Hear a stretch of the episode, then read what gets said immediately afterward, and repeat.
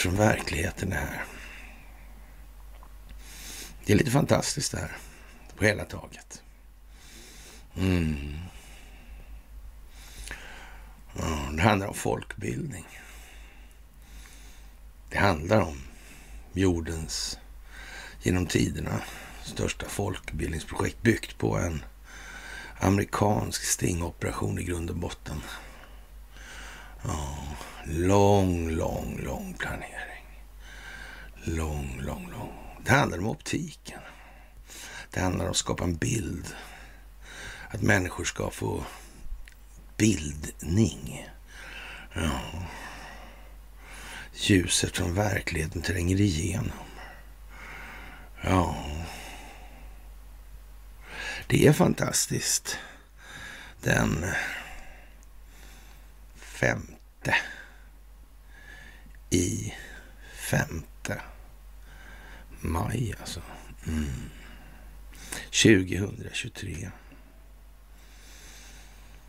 Det är fredag och det är dags för ett fredagsmys. Ja, tänka sig fantastiskt. Ja, det handlar om att vända på stenar. Mm. Titta vad som finns under. Hur ser det ut egentligen? Hur var det egentligen tidigare? Ja. Först som sist höll jag på att säga, men först nu så ska jag i alla fall framföra mitt allra varmaste tack för att ni är vad ni är just nu. Mm. Fantastiskt. Det måste jag säga faktiskt. Det är helt otroligt. Vad roligt det här är.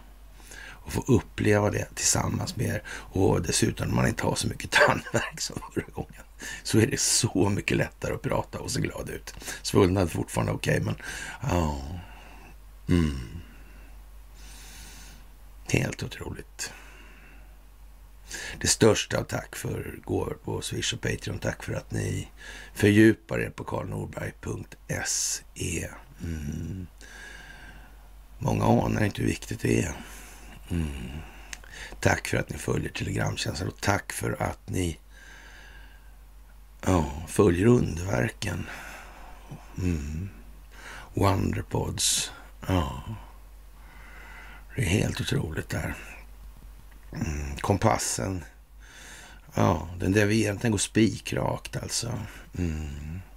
Den biter, den biter, den biter. Det finns med engelsk översättning också. Mm. Ja, det där blir inte lätt. Nej, som sagt. Det handlar om att vända på stenar. Var är Sveriges roll egentligen? Eller är det Sveriges roll? Det här. Mm. Den djupa staten. Fortfarande verkar inte det,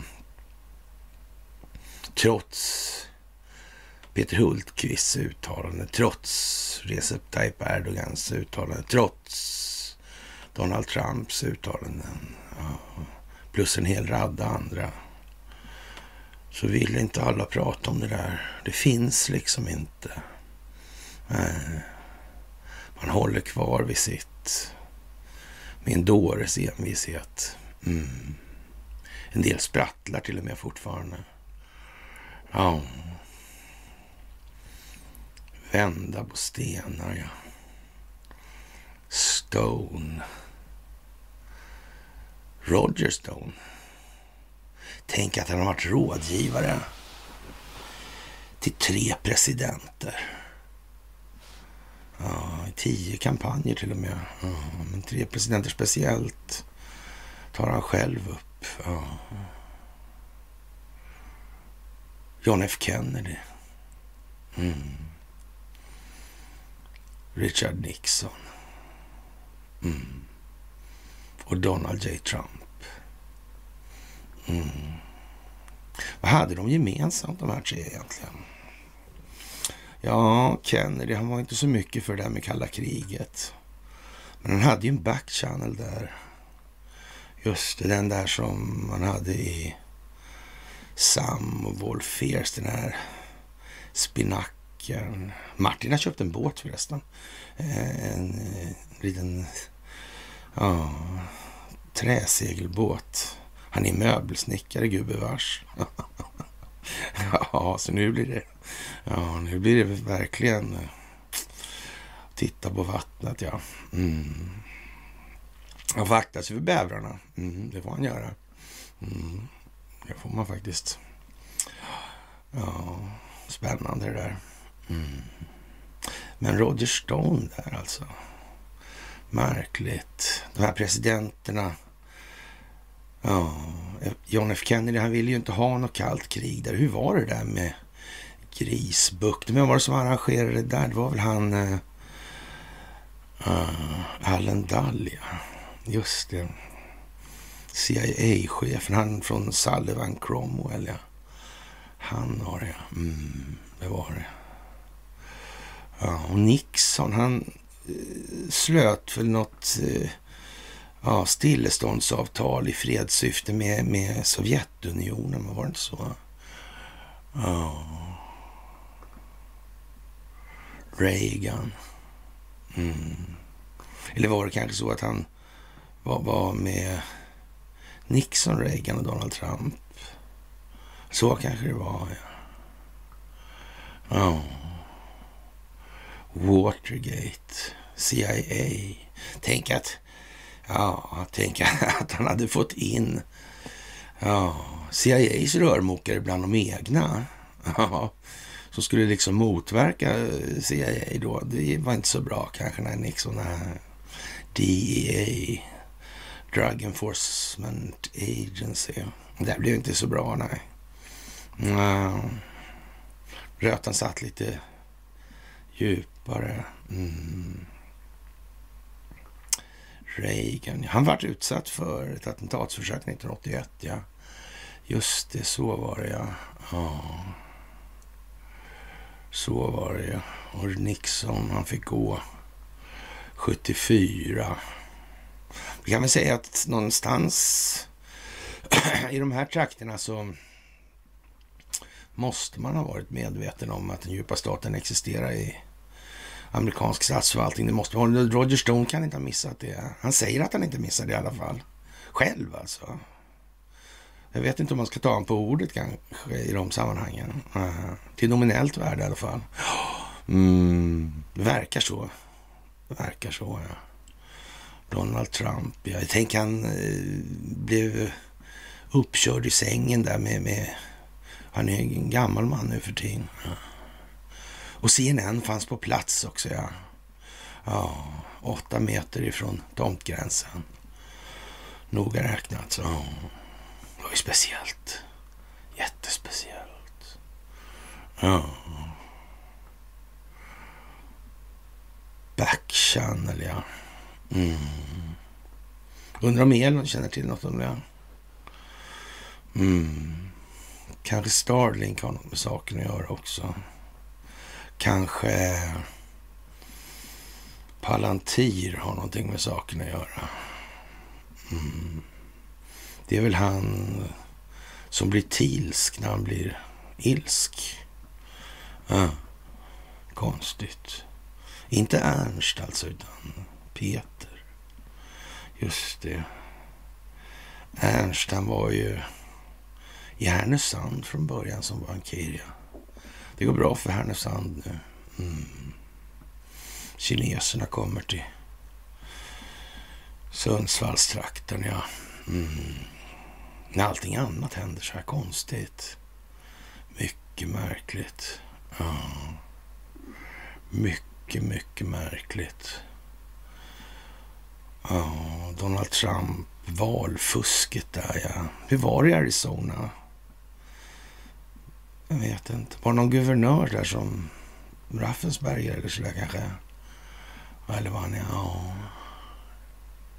När rösterna där, vad sa, vad, hur var det med det där egentligen? Var det kanske röster som var liksom räknade på förhand på något vis? Var inte Dr. Tucker Carlson och Brett Baer, var inte de oroliga för den där rösträkningen i Arizona? att man eh, ja, från Fox sida deklarerade att Joe Biden hade vunnit redan innan folk hade röstat. Just det, det var konstigt ja. Mm. Märkligt allt det här. Mm.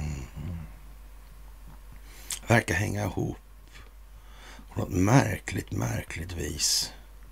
Kanske inte är så märkligt när det ja, destilleras ner till sin grundläggande essens. Jag tror att det kommer klarna faktiskt. Jag är helt säker på det. det ja. De flesta börjar förstå det här med det här kriget. Ja, krigsrisken. Men de här som spratt sprattlar och håller fast, de förstår inte. De skriker ännu högre på att nu står världskriget för dörren. Mm. Det gör de ju. Ukraina. Oh. Tänk vad konstigt. Medvedev han sa att... Eh, ja, hur var det med, det med den här rättsliga grunden alltså? För Ukraina. Mm. Alltså de, det landet som sådant verkar inte ha någon rättskapacitet alltså. Det verkar konstigt ja. Hela själva den konstitutionella grunden verkar liksom hänga i luften. Mm. Han påstod att det var egentligen Sovjetunionen fortfarande. Och det gör man i, ja, i duman också. Konstigt. Mm. Hur går det då för de här äh, ja, Blackrock och George Soros och Bayer och Monsanto och de här som har köpt jättemycket mark mm, i Ukraina. Ja. Om landet saknar rättskapacitet, alltså rättslig grund. Hur blir det? Är det en fast den egendomen då eller vad? Hur fungerar det där egentligen? Borde man inte ha kollat det kanske? Stor undersökande plikt eller sådär, jag vet inte.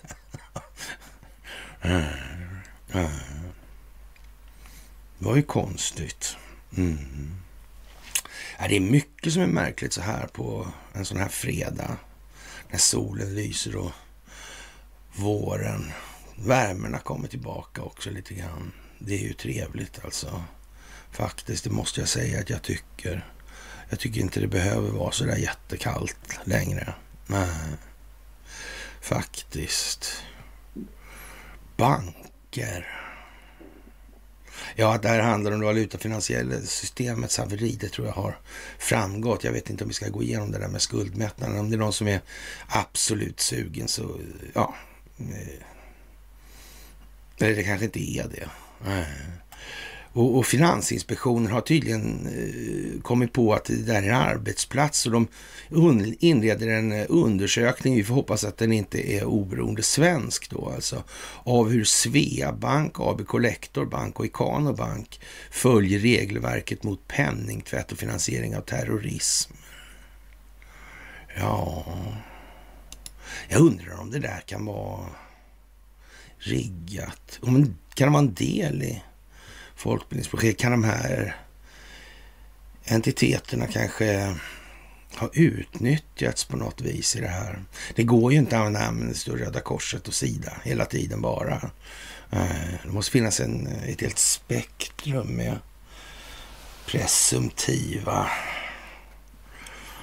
ja, entiteter som kan göra olika ekonomiska transaktioner i det här. Mm, det måste det göra. Ja. Undersökningen omfattar bankernas allmänna riskbedömning av kunder och åtgärder för kundkännedom, skriver Finansinspektionen i ett pressmeddelande. Enligt Finansinspektionen kommer granskningen att fokusera på hur bankerna hanterar företagskunder och stiftelser. Det verkar ju konstigt just. Det verkar ju konstigt. Mm. Jaha. Smäll. Fear. Ja, nu Ja, jag tror de redan vet det faktiskt. Ja. Vi har fått signaler från olika håll, bland annat har det i den nationella riskbedömningen framhållits att risken är hög för att företag mm, utnyttjas i mer komplexa penningtvättsupplägg, skriver Petra Bonderud, biträdande avdelningschef på Finansinspektionen i en kommentar. Enligt Finansinspektionen är det svårare för en bank att identifiera de verkliga huvudmännen bakom företag eller andra juridiska personer än vad det ena banken har att göra med privatkunder. Konstigt att de har lagt all kraft på privatpersonerna ändå alltså. Och ingen alls på stiftelser och företag. Det är märkligt. Men nu, nu helt plötsligt så kommer de på det. Ja, ja det är ju konstigt. Det hänger ihop med att eh, det kan förekomma komplexa ägar och kontrollstrukturer i verksamheten. Jag vet inte, en omskrivning för det här skulle man kunna tänka sig på eh, anglosaxisk terminologi skulle det kunna vara the art of cloaking, konstformen av att hålla på med bulvanverksamhet. Ja, det skulle man ju kunna tänka sig faktiskt. Mm. Det drar ihop sig duktiga tag nu alltså.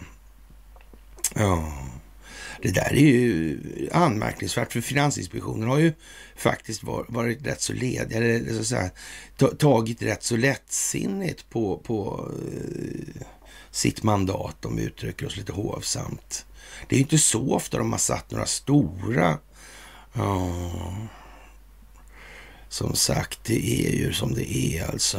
Oh. Det är lite märkligt kanske att det har varit så. Eller så är det ju inte så märkligt. Det handlar ju mycket om det där med djupa staten. Alltså. Antingen existerar den där entitet, entiteten eller så gör den inte det. När det, man frågar man Roger Stone till exempel som måste ändå anses ha kanske en, eh, ja, han är bara i bakgrunden där hela tiden och tassar runt. Det är märkligt alltså. Han är lite grann som den här herr Olsson i Some of All Fears. Mm. Han med klockan med svastikan på baksidan. På boetten där, alltså mot handleden. Mm. Den som ligger i inledningen på bordet där till filmen. Ja, just det. Mm. Men det verkar som herr Olsson har att göra nu alltså. Ja, det verkar inte gå så bra. Faktiskt alltså. Ja. Det är ju speciellt. Alltså den här ja, man kan väl säga att det här med den amerikanska ekonomin, den är väl, förtroendet för systemet är väl lite på upphällningen också. Förtroendet för underlivsporslinet är definitivt på upphällningen. Ja. Mm. Vem blir han ersatt av då, tror kan det vara Michelle Obama? Mm. Kan det vara Michelle Obama? Mm. Jag vet inte. Susan Rice, vad gör hon för det nu då? Mm. Hon är lite grann av en sån där typ som Roger Stone. Mm. Fast inom den djupa staten då istället. Mm. Det är ju det. Det är ju det. Faktiskt. Roger Stone, ja. Han finns på en intervju på X22-sidan faktiskt. Som ni med fördel kan lyssna på när han syr ihop det här riktigt bra. Och man får nästan, nästan, nästan vara svensk. För att inte förstå det här nu. Men det är klart, han kanske bara ljuger. Mm. Den djupa staten kanske inte existerar överhuvudtaget. Det är ju det. Man måste ju bestämma sig någonstans i det här. Det är ju ett dilemma naturligtvis. Det kan liksom inte vara ja, både och. Det måste vara det ena eller andra nu alltså. Mm. Och fortfarande är det många som tror, nej, det finns ingen institutionaliserad korruption i Sverige. Nej, det gör ju inte det. Mm. Ansvar, det går att utkräva i Sverige för allting. Tjänstemannaansvaret är visserligen borta och det är svårt att se för Finansinspektionen vad det är för typ av verksamhet. Därför det är komplexa situationer. Man kan inte riktigt veta med stiftelser och företag vem som gör vad och varför egentligen. Nej. Det är liksom upplagt. Det känns som att det skulle kunna misstänkas vara upplagt för att det inte ska synas. För att verka utan att synas kanske. Mm. Men nästan alltså. Så att det känns som att det är ett uppsåtligt modus operandi i det här. Ja. Ja, det skulle kunna vara så alltså. Man kan ju aldrig vara riktigt säker. Nej, det kan man ju inte vara alltså. Ja. Och ja, den kaotiska karaktären hos USAs politiska system och dess oförmåga att fungera som en demokrati, ja. Det är klart att med den djupa staten inblandad som parameter i ekvationen så ja, då blir det ju inte så bra. Nej. En riktigt konstig faktor det där. Mm. Det är det ju. Kan någon ha tänkt på det? Kan någon ha planerat? Eller tänkte man verkligen att man tar och vänder på hela jordklotet på en gång? Och det bara, man eh, gör i, i, i, i något litet land i, i norra Europa, ja, så där fanns det en man. Han eh, trodde på något vis att det skulle gå att bara berätta om Ivar Kryger. Så alltså, och när inte det gick så tänker jag betala, då berättar han istället om monetärmekaniken för det kommer alla tycka är vansinnigt viktigt alltså. Ja, man kan väl säga att han sket en lök stor som en pumpa i det fallet. Det var lite mer alltså, det var lite mer faktiskt. Ja. Som sagt, ja. statsskuldtaket klarar de ser du mm, i början på den här månaden. Men Nästa månad är det en ny sväng. Mm. Det är bara ett par veckor dit. Mm. Ja. Konstigt där. Mm. Kan Michelle Obama ha någonting med Barack Obama att göra? Ja. Med Bruce Springsteen att göra kanske? Vad sa de? Cover Mir, vad sa han? Ja, jag vet inte. Teater. Optik. Bildning. Folkbildningsprojekt. Mm. Individens utveckling. Mm. Så att samhället kan utvecklas. Kan det vara faktorer i det här? Jag vet inte om det är så faktiskt. Men jag tror, jag tror att det skulle kunna ha någonting med Men jag är inte säker. Jag är inte säker. Nej, nej. Ja. Och om den amerikanska regeringen inte röstar för att höja statsskuldtaket senast i juni riskerar landet att gå i konkurs då. Mm. Ja, det beror väl på hur mycket delar som är på plats kanske. Men det får vi väl se helt enkelt. Och dagen innan den 11 maj då så eh, verkar det som att Wagnergruppen hotar att dra sig ur Bachmut. Och ja, det verkar konstigt. Och just eh, idag då så fick man en ny ställföreträdande chef också, en militär. Vad märkligt. Ja. Hur är det med de här hårda striderna? Ja, egentligen alltså. Vad är det som händer där? Vilka är det som förmedlar informationen? Jag vet inte. Kadyrov sa att han trodde inte att drönarna hade någon speciell påverkan på den här specialoperationen. Nej, nej det kan ju vara så. Det kan ju vara så att det har var det så att man kommunicerat information via de här backchannels då. Mm. Att det här är koordinerat länder emellan. Ungefär som ja, de där som står med förstoringsglas när eh, det forna Stockholm Globe faller ihop som en eh, cefalopodisk eh, ja, vad heter den där, soufflé va? Mm. Eller en brulépudding kanske i en mikrovågsugn. Mm. Ja, det vet man ju inte riktigt. Det skulle kunna vara så. NATO, ja, den överstatliga organisationen. Verkar inte så förtjust i den Donald Trump. Nej, det verkar inte. Det verkar vara andra som tycker att det är sådär också. Ja, det verkar det ju vara. Mm. EU, ja. Ja, man vet ju inte. Enligt ledaren då för den här ja, legoknäcksligan då så, så planerar gruppen att lämna staden den 10 maj. Det är alltså dagen innan Aurora tar slut.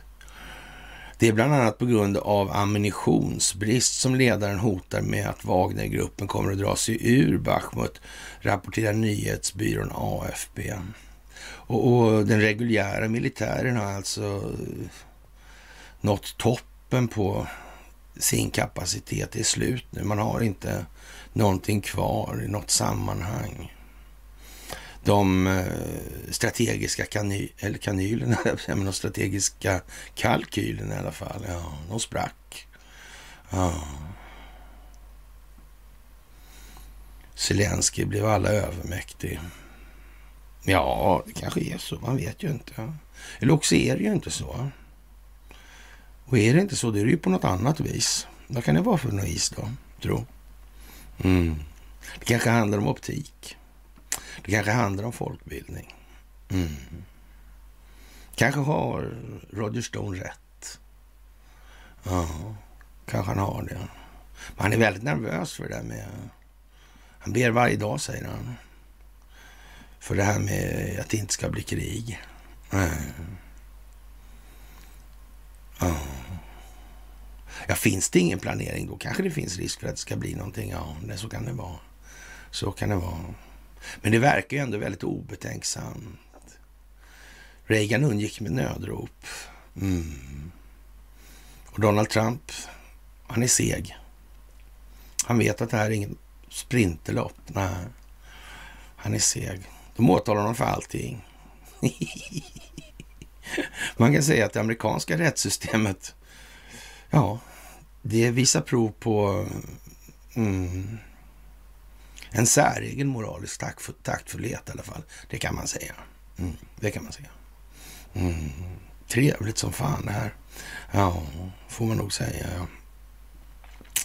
Och, och, ja, antingen finns ju den djupa staten också, finns den inte. Antingen finns det en planering och så finns det inte någon planering för att motverka det här. Det, det är liksom inte så svårt det här tycker jag. Nej, det kan man ju faktiskt konstatera. Mm. Ja, Sveriges Radio och SVT har ljugit hela tiden om kriget. Ja. Ryssarna har inga vapen, ingen ammunition. De slåss med högafflar och gör vapen av gamla svenska eh, ja, kylvaror, jag vill säga, men nästan i alla fall. Mm. Vapnen från första världskriget och ändå så verkar det ändå gå lite bättre. Och nu hotar till och med Wagnergruppen att lämna det här. Ja. Lämna det här. Det där som inte ens har någon rättskapacitet, säger Medvedev. Som sa att det måste nog till någon form av internationell juristkommission för att fastställa vad det här är. Och då måste det först gå tillbaka till var det kom ifrån. Ja. Mm. Och sen får man väl ta tag i den frågan. Mm. Det kan ju vara så alltså. Kanske det gick ut på att plundra Ryssland när eh, muren föll. Och sen sket det där sig på något vis alltså. Girigheten blev för stor så det sprang utom kontroll. Ja. Det gick aldrig att få kontroll på det eftersom statsmakten som sådan gått förlorad. Mm. Boris Jeltsin, ja. Eller Boris Jeltsin på svenska då, ja. Jaha. Han, ja. Det är ju speciellt. Mm. Han eh, rekryterade Putin. Det var ju konstigt. Ja, faktiskt. Mm. Och Sverige, vill de kriga? Man kan säga att de människorna i Sundsvall är väldigt pigga nu när, när det vankas jobb och sådana här grejer plötsligt. Mm.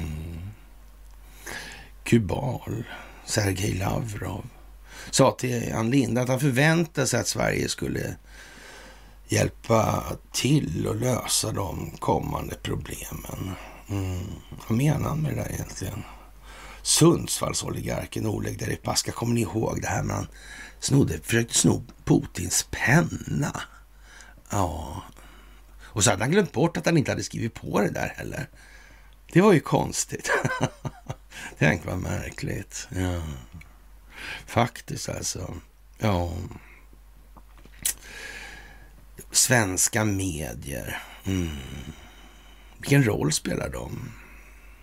Har de bidragit till att eh, öka på det mänskliga lidandet i någon omfattning genom att inte berätta om tingens ordning i verkligheten? Mm, det kan man väl säga. Är det verkligen riktigt att det ska kunna gå till så utan att det innebär någon form av straff på? För jag tror faktiskt inte det. Jag tror faktiskt inte det. Nej. Det bör nog inte, så bör det inte vara. Det, att det här med att vilseleda befolkningen till förmån för enskilda vinstmaximeringsintressen, globalister. Jag vet fan inte om jag tror att det är särskilt lämpligt. Det hade nog, vad, vad ska man fråga alla andra länder då där de här globalistföretagen verkar. Mm. Är de roade av att hemmabefolkningen i de här, i det här, ja, till det här för, de här företagen då mm, inte medvetna om hur illa det här är? Blir det inte mer lidande för dem då? Mm. Barnarbete och, och child trafficking och narkotikahandel och hej och hå. Det är inte så mycket dåligt som inte finns med i det här ändå. Det är nästan allt dåligt ju. Konstigt alltså. Ja. Jättekonstigt. ja. Vinna mot ryssen, ja. Wagner och Bach. Mm. Bachmut, ja. Mm. Mm. Det är så melodi melodiöst liksom på något vis, skulle man kunna säga. Ja får man nog tycka är anmärkningsvärt det också i det här läget. Tidöpartierna vill skärpa kraven för medborgarskap, något man ska förtjäna. Ja. Man har till och med dragit till med att eh, man ska ha liksom eh, Eh, ja, lojalitetsförklaring alltså. Det är ju konstigt. Det är viktigt att införa krav på kunskaper i svenska och samhällskunskap, något som ska ingå i en ny utredning. Utredningen ska också titta på krav på egenförsörjning, krav på hederlig vandel och en slags eh, lojalitetsförklaring som slutpunkt i medborgarskapsprocessen. Mm. Och om man är född här då? Och, och, inte kan man ju inte rå för om man är det. Nej. Gäller det samma sak då? Är det många som förstår det här med maktdelningsprincipen, att vi inte har någon sån? Och att alla jurister i hela Sverige alltid har glömt bort det? Att det inte fungerar, det pratade vi om senast. Mm. Är inte det lite märkligt? Nej, det är inte så märkligt. Det är helt som det ska vara. Det är jättebra att det är så. Ja. Robert O'Brien sa att det inte var så bra. Han sa att det handlar om det svenska rättssystemet. Ja. Och tänk om det är så illa i USA att man till exempel, en före detta president, eh, som till och med när han var president, åtalar honom för massa saker och ingenting biter helt enkelt. Han blir liksom inte fälld. Det verkar ju som man har satt det där i något system. Men vad är det för jävla rättssystem som lånar sig till den typen av verksamhet? För det är inte så att de springer benen av sig direkt på här, de här eh, inte inte bara blyga insinuationerna om vad herr Underlivs porslin och hans familj har hållit på med. Det är inte så mycket i ropet. Nej, nej. Det verkar inte bra. Den dömande makten verkar vara rätt så korrumperad. Nu är det ju inte så i Sverige, det vet vi ju alltså. Mm. Hur var det där egentligen? Ja? 1809. Mm. Vi är 1815 sen. Mm. Schweiz, Sverige. San Marino. Mm. Vad blev det av allt det här egentligen? Ja ja. en sak som blev i alla fall, det var ju att eh, löjtnanten Knut Agaton Ja, han fick en båtsmansbesättning och åkte till Sundsvall. Och, på tal om eh, mm, Härnösand. Ja, just det. TIL. Mm. Men TIL, han blev Sveriges rikaste. Sen blev man nästan Sveriges fattigaste. Mm. Ja, det verkar skurit sig på något vis det där. Ja, man vet ju inte det liksom. Sådär. Ja. Som sagt. Eh, mm. Udda, udda, udda. Mm. Alla inbegripna alltså i det här då, eller? Nej.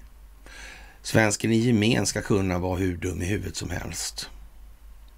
Men jag kan tycka att det där är eh, en eh, rätt så bra grej. Man ska definitivt inte få rösta då. Om man inte har en aning om någonting. Jag tycker det är direkt olämpligt. Man utgör en klar fara för sig själv och andra. Mm. Jag undrar om knapptryckning är det bästa grejen i det läget. Nu är inte jag säker på att det här knapptryckningsgänget är sådär eh, hyperinsatta i det här med maktdelningsprinciper och att eh, ja, en upplyst och medveten befolkning måste anses vara en rätts och avgörande del av eh, så säga, ramverket eller grunden till ett lands medbestämmande för medborgarna alltså. Mm. Vet de inte vad de röstar om? Det vet inte jag. Nej. De, de frågorna kanske, är, kanske inte ens behöver ha bäring på någonting som är av vikt för jag vet inte vad. Det finns alltså rätt så stora hål i det där resonemanget skulle jag vilja påstå. Alternativrörelsen pratar sällan i termer av det där. Alltså att, den filosofiska delen är ju liksom inte deras paradgren i så mått. Nej, det är den ju inte. Och det är ju det som liksom skorrar lite. Det skär lite falskt alltså. Ja. Men jag, med det är inte sagt liksom att de är, är, är, några dåliga människor. Det kan bero på okunskap, det kan bero på obetänksamhet eller dumhet och, och, och, och så vidare alltså. Mm. Men de här förenklingarna tenderar alltså att användas av människor som förstår bättre, men då i syfte att gynna sig själva på bekostnad av alla andra. Ja. Det är ju lite speciellt faktiskt. Och demokratin, om vi nu ska kalla det för det har vi inte. Vi har ju faktiskt någon form av penningmonarki här. Och, och, och så vidare och så vidare. Eller då folksuveränitetsprincip som man väljer att kalla det här för. Ja. All offentlig makt utgår från folket. Jag vet inte om det här är liksom riktigt lyckat. Och nu, men det är ju några som är på bollen nu i alla fall. Men det var Epoch Times då. Sådär och det, ja. Konstigt. Det är kinesiskt va? I grund och botten. Ja. Ja, men då finns det ju en tidning i alla fall för de som kommer hit från Kina. Och det här är ju lite speciellt, det måste jag säga. Jag tycker, jag tycker det är... Mm, Bodil gjorde det där. Mm. Hon stängde helt enkelt av oppositionen. De fick inte vara med på mötena på Södra berget. Nej. Det var på något vis allvar. Ja, konstigt ja. Konstigt ja. Mm. Jag undrar om Bodil har varit inblandad i mer sådana här allvarliga saker. Mm, det tror jag, det har jag nämnt tidigare. Jag tror det. Deripaska. Lavrov. Mm. Jag tror att Bodil har förhandlat sådär. Mm. Det är speciellt. Den amerikanska gränsen mot Mexiko, det är en speciell företeelse ändå. Det bara väller in folk där alltså. Riktiga dårar alltså. Det smugglas in hur smugglas och smugglas. Det körs in hur mycket barn som helst. Och den elfte tror jag det upphör någon spärr eller broms där på något vis. Man har kallat in de här 1500 reguljära soldater i det. Som inte ska ägna sig åt polisiär verksamhet överhuvudtaget. Mm. Ja, det där verkar konstigt. Men när övningen tar slut så verkar det verkar mycket, vara mycket som liksom står på... Ja, det är nästa... Ja. Mm. Sju plus fem. Mm. Det är tolv. Jag blir väl på torsdag då, eller? Eller vad kan det bli? Ja, vi lär ju få se. Det verkar som att veckorna blir mer och mer innehållsrika, mer och mer spännande. Utvecklingen går allt snabbare. Och Donald Trump, han, han är liksom eh, lite halvtjurig, eh, så sagt. Och han tycker att det där måste liksom eh, värjas av. Mm, det ska inte komma in horder med folk sådär. Nej. Fentanylet, ja. Kina. Ja, det är märkligt det där med Kina. Den djupa staten i Kina, är den helt eliminerad tror jag. Mm. Den här hemska ambassadören som gjorde det här med och ge bort kinesisk te telekominfrastruktur är den mest briljanta säkerhetspolitiska åtgärd, åtgärden i, i människans historia i princip. Alltså. Mm. Kan han ha varit på något vis handlat liksom fullt medveten om vad han gjorde? Vad det skulle innebära. Och han gjorde det ändå. Huawei, vad betyder det förresten? Lite grann som att eh, göra ingenting. Nej. Man bildade Huawei så hände ju inte så jävla mycket hit och dit. Nej.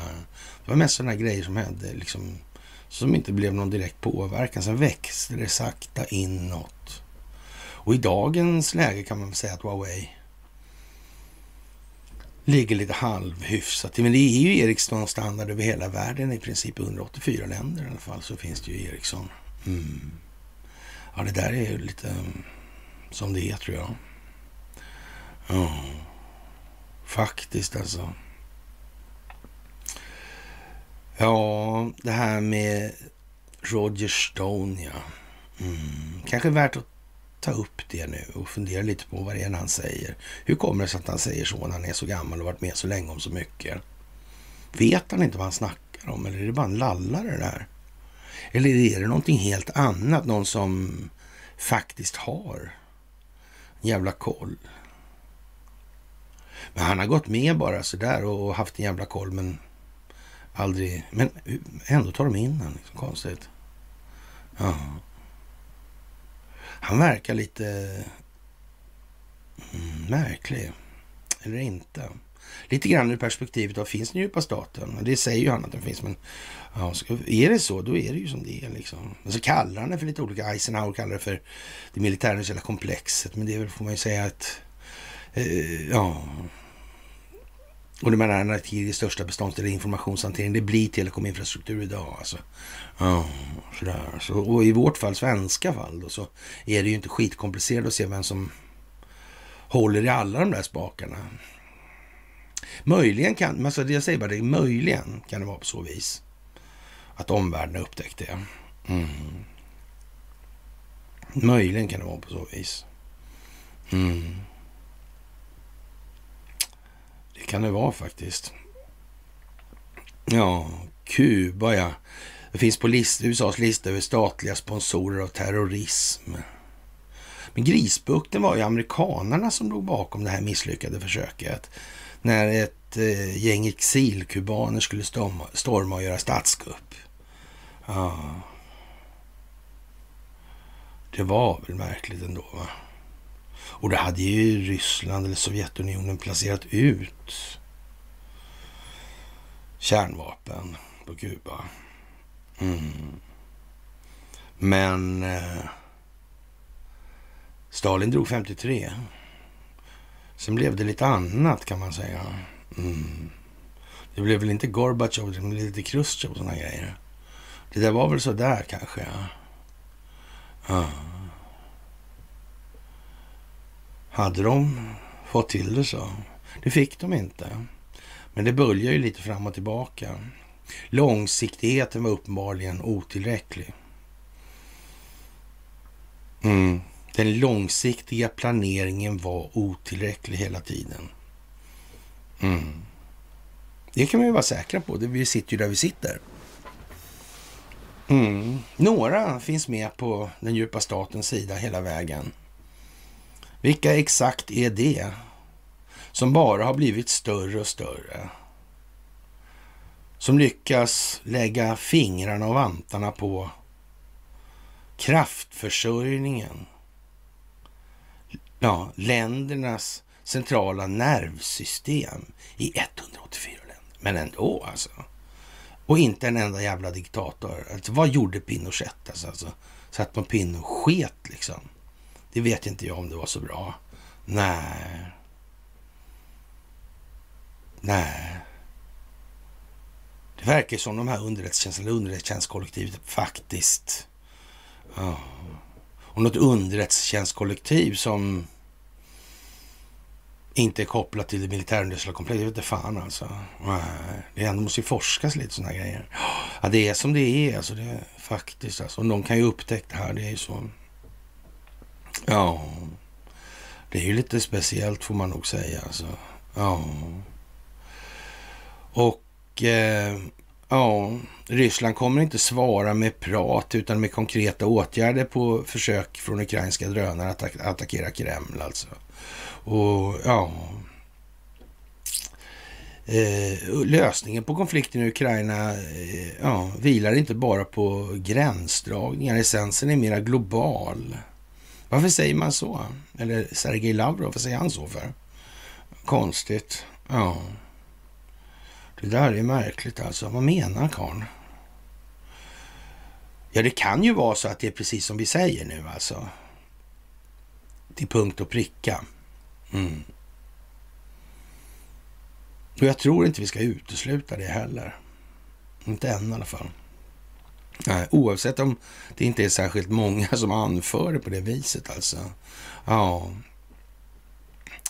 Och eh, ja, Ryska federationen har aldrig vägrat att lösa problem trots ja, att Kiev eh, får så mycket västerländska vapen. Mm. Men kan det vara överenskommet för att avrusta helt enkelt? För egentligen så finns det ingen fiende. Vladimir Putin försökte göra det enkelt för sig för länge sedan och sa att ja, men, vi kan gå med i NATO. Det var inte så aktuellt, nej. Då finns det ju liksom ingen fiende, vem som man krigar mot då? då? Mm. Det kanske egentligen aldrig har behövts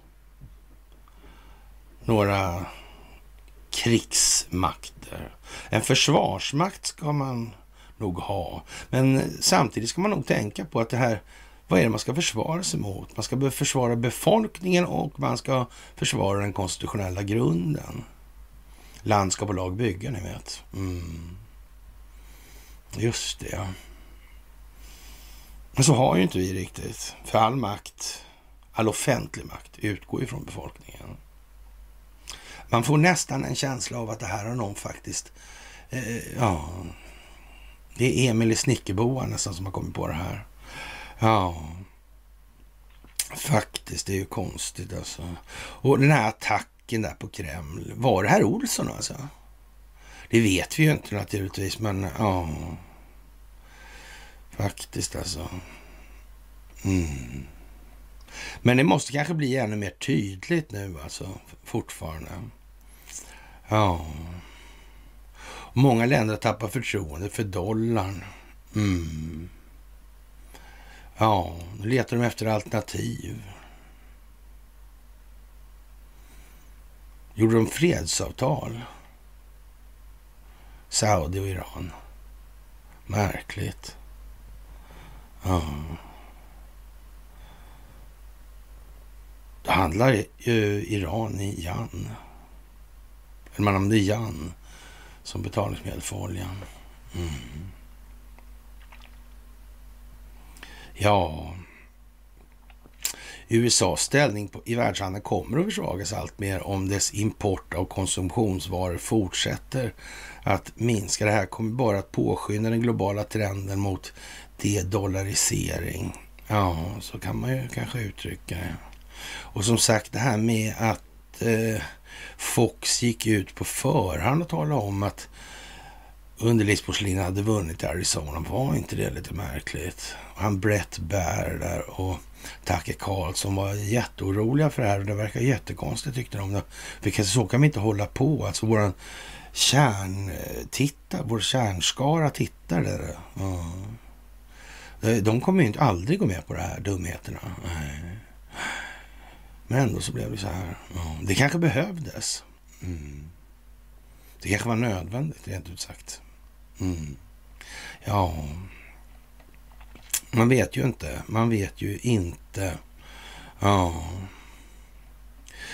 Barnarbete som slavarbete. Tioåringar jobbade på McDonalds, fick inget betalt alltså. Arbetsvillkor McDonalds i USA är undermåliga. En utredning jämförd med amerikanska myndigheter visar hur snabbmatskedjan McDonalds att ofta har tillåtit barn och ungdomar att arbeta mer än vad lagen tillåter alltså. På en restaurang arbetade även två tioåringar ibland sent på natten utan lön. Ja. En tioåring skötte även fritösen. Mm. Barnarbete har blivit vanligare i USA de senaste åren. Mm. Systemet som sådant gör väl gällande att allt färre ska bli allt rikare på allt fler människors bekostnad på grund av tillväxtkravet. Alltså. Räntekomponentens närvaro i principvärdet på valutan alltså. Mm. Skapar tillväxtkrav nu. Mm. Ah. Det där är ju konstigt att inte folk har upptäckt tycker jag. Tycker jag är lite trist, men som sagt, ja. Som sagt, eh, det kommer andra tider nu. Så är det bara. Och det verkar som Amnesty International har använt fejkade AI-bilder. Och så backar de efter kritiken. Men varför gör de så? Vad är, det, är, det, är det en oseriös eh, organisation det där? Kan det vara så alltså? Då kan man nästan säga att det är precis som det vore institutionaliserad korruption. Ja, jag vet inte. Det är ju lite speciellt alltså. AI-genererade bilder alltså. Mm. Ja, jag vet ju inte. Det där är ju någonting som ser äkta ut men är helt eh, rena jävla blåsningen alltså. Ja. Det där är udda alltså. Mm. Det kanske är meningen, det behövs. Det behövs optik, det behövs bildning. Mm. Hur länge har det varit så här då? kanske har varit så alltid. Mm. Det har aldrig varit någon annan. Tänk att Riksrevisionen aldrig upptäckt sånt här alltså. Det är ju för jävla märkligt alltså. De har aldrig gjort slag i saken riktigt. Nej, Nej det är ju märkligt. Ja. Mm. Amnesty arbetar mycket med de negativa konsekvenserna av att använda artificiell intelligens, inklusive spridning av falsk information. Ja, vi måste vara extra försiktiga i vår egen användning av denna teknik. Även om sättet vi har använt den här inte kan skada någon, skriver de på Twitter. Nähä. Nej. Det här med att springa enskilda vinstmaximeringsintressens ärenden, är inte det någonting som är till skada för någon? Om allt färre blir allt rikare på allt fler människors bekostnad. Jag är inte säker på att alla vill ha den här kostnaden påförd sig. Nej. Då kanske de skulle gett fan i att hålla på sådär, rent ut sagt. Eller? Det kan vara fel alltså, men, men Ja, vita hjälmarna och gasapattacker i Syrien alltså. Mm. När, när är det nog egentligen? När fattar folk? Ja, jag tror de många fattar nu redan alltså. Det, det vill jag nog påstå. Ja. Och ja. Det är ju lite bedrövligt att det ska behöva vara så här. Men, men om folk inte är det minsta intresserade, vad, vad, vad gör man då? I det här? Då får man mala på alltså. Det är ju bara så. Kim.com säger att man ska föreställa sig Ryssland och Kina eh, att de skulle eh, betala eh, nazister för att, så att säga, ta över ett land, till exempel Mexiko, då, ta över regeringen där. Med målet att göra det till, ja, deras militära allians då och bygga en militärbas med eh, kärnvapenbärare eller kärnvapenmissiler i Mexiko. Och, och, sen ska man föreställa sig Mexiko attackera Vita huset med en drönare. Mm. Det är tydligt att det måste bli väldigt tydligt alltså. Mm. Det är liksom det omvända mot Ukraina bara. Men ja. Det är inte Ukraina, men ändå Ukraina. Mm. Ja, Anders Lindberg tyckte ju det var... Ja, det där med spelet, lotteriet, ja. Tänk så tokigt. Anders måste ha gjort mycket dåliga saker faktiskt. Ja. Och ju mer man studerar det här, alltså desto mer insatt man blir, eller ju, då, ja, desto mer osannolikt förefaller det då att det ska bli ett världskrig faktiskt. Och kan det vara det som är meningen med allt det här? Mm. Är det meningen att det ska framkalla just de här tankarna och den här insikten hos befolkningen? Kan det handla om typ eh, 100% opinionsbildning? Att ju mer människor börjar tänka genom det här så kommer det i allt högre och högre omfattning framstå som en enda stor gigantisk Hollywoodfilm. Ett folkbildningsprojekt. Kan det vara så? Ja, det kan det ju vara faktiskt alltså. Ja. Ren och skär optik alltså. Ja. Ja,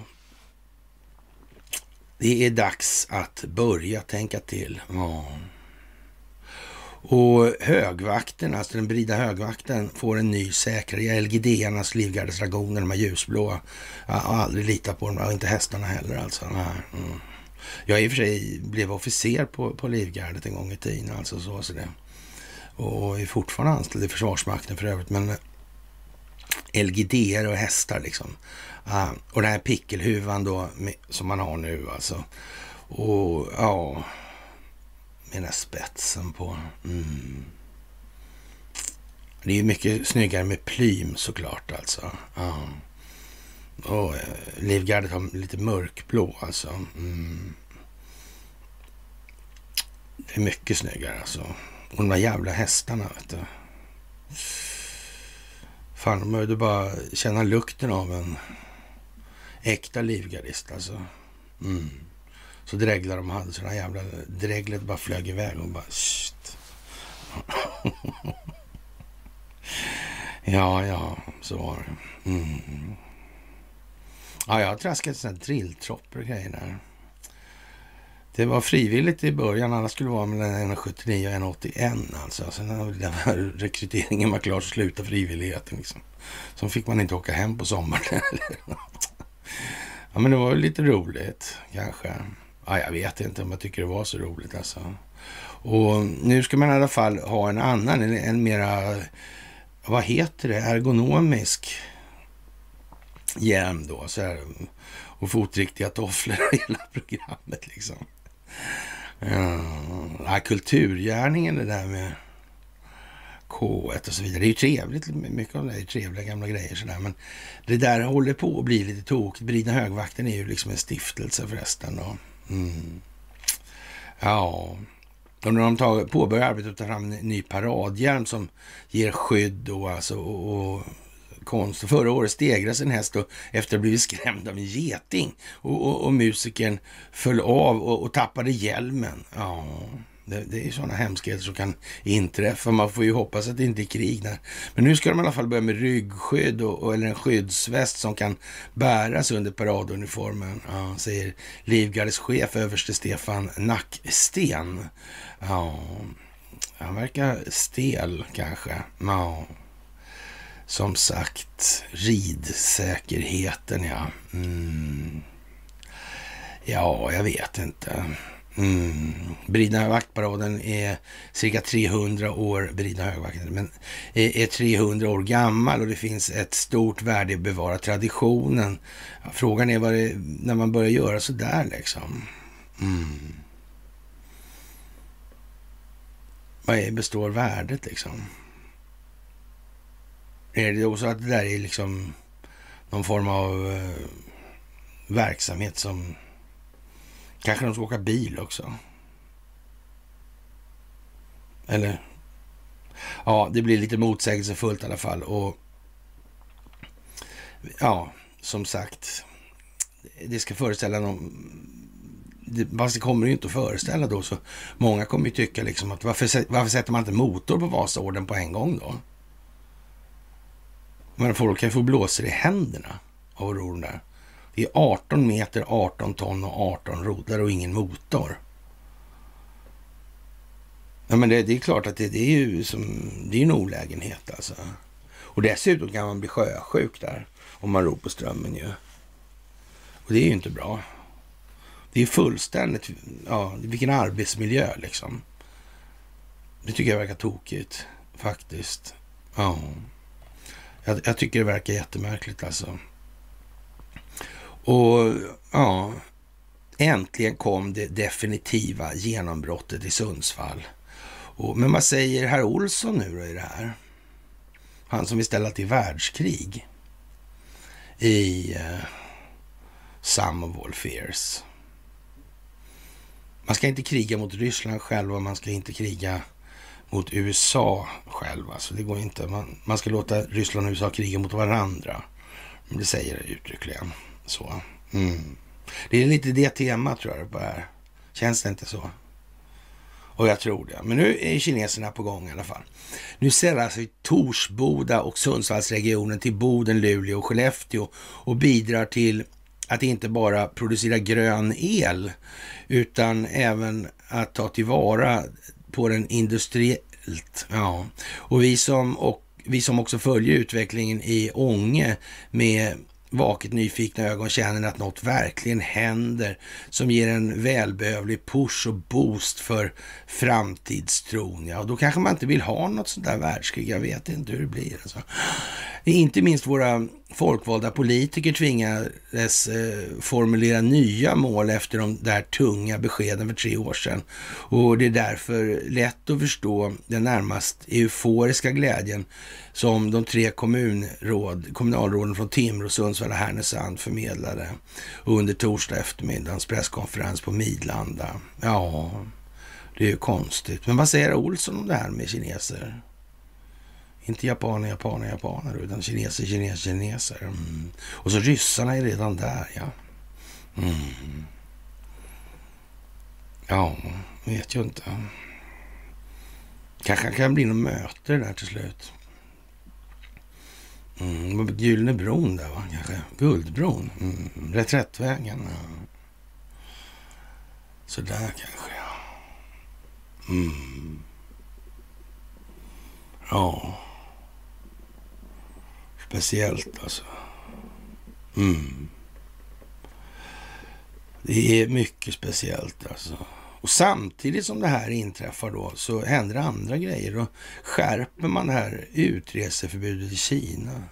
Utreseförbud har blivit en, ett av många verktyg som det kinesiska kommunistpartiet använder som en del i sina breda ansträngningar för att skapa en skarpare kontroll över alla aspekter av människors liv, står det i rapporten.